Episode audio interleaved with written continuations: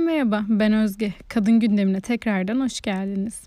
Bu hafta sizlere yeni yıl arifesinde bulunmamız dolayısıyla canınızı sıkacak ve üzecek haberlerden ziyade 2020'deki genel durumumuzla alakalı biraz iç dökme havasında toplumsal cinsiyet eşitliği sorununa dair konuşmak istiyorum. Umarım bu farklı kayıt hoşunuza gider. Girişi çok da uzatmadan esas konumuza geçelim isterseniz.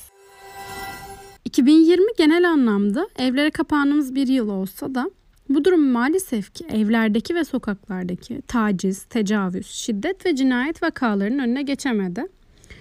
Güncel resmi veriler elimizde bulunmamakla birlikte birkaç derneğin yürüttüğü bağımsız araştırmalara göre pandemi başladığından beri bu vakalarda hatırı sayılır bir artış olduğu söyleniyor. Yabancı kaynaklarda domestic violence olarak geçen ev içi şiddette ise ciddi anlamda bir artış söz konusu.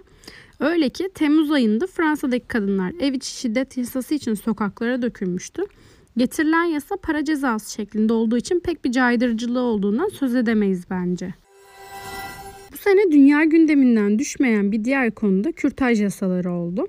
Brezilya, Polonya gibi ülkelerde pek çok kadın haklarını elde etmek adına sokaklara döküldü. 21. yüzyılda bile bireylerin kendi bedenleri hakkında özgürce karar alamadığını bilmek gerçekten can sıkan bir durum. Neyse ki Polonyalı kadınların mücadelesi başarıya ulaştı. Teknolojinin ve bilimin en parlak çağında olmamıza rağmen sosyal alanda özellikle de bu yıl dünya genelinde bir gerileme kaydettiğimiz görüşündeyim. Toplumsal cinsiyet eşitliği gibi yüzyıllardır mücadelesi verildiği halde çözülemeyen bir sorunumuz var. Birleşmiş Milletler'in de sürdürülebilir kalkınma hedefleri belirlerken değindiği sorunlardan biri bu konu. Güncel durumumuza bakarsak günden güne artan şiddet ve cinayet haberleriyle pek bir ilerleme kaydedemediğimiz de aşikar. Hatta her sene bir önceki seneye kıyasla daha fazla kadın cinayeti gerçekleştirildiği de Birleşmiş Milletler Kadın Komisyonu'nun verileriyle kanıtlanmış durumda. Belli ki toplumlarımızın temelinde bir sorunumuz var. Erkeği kutsayan ve kadını ayaklar altına alan, aşağılayan gelenek ve göreneklerimizi sorgulamamız gerekiyordur belki. Gündelik hayatta dilimize yerleşmiş kelime ve söz kalıplarını değiştirmemiz gerekiyordur.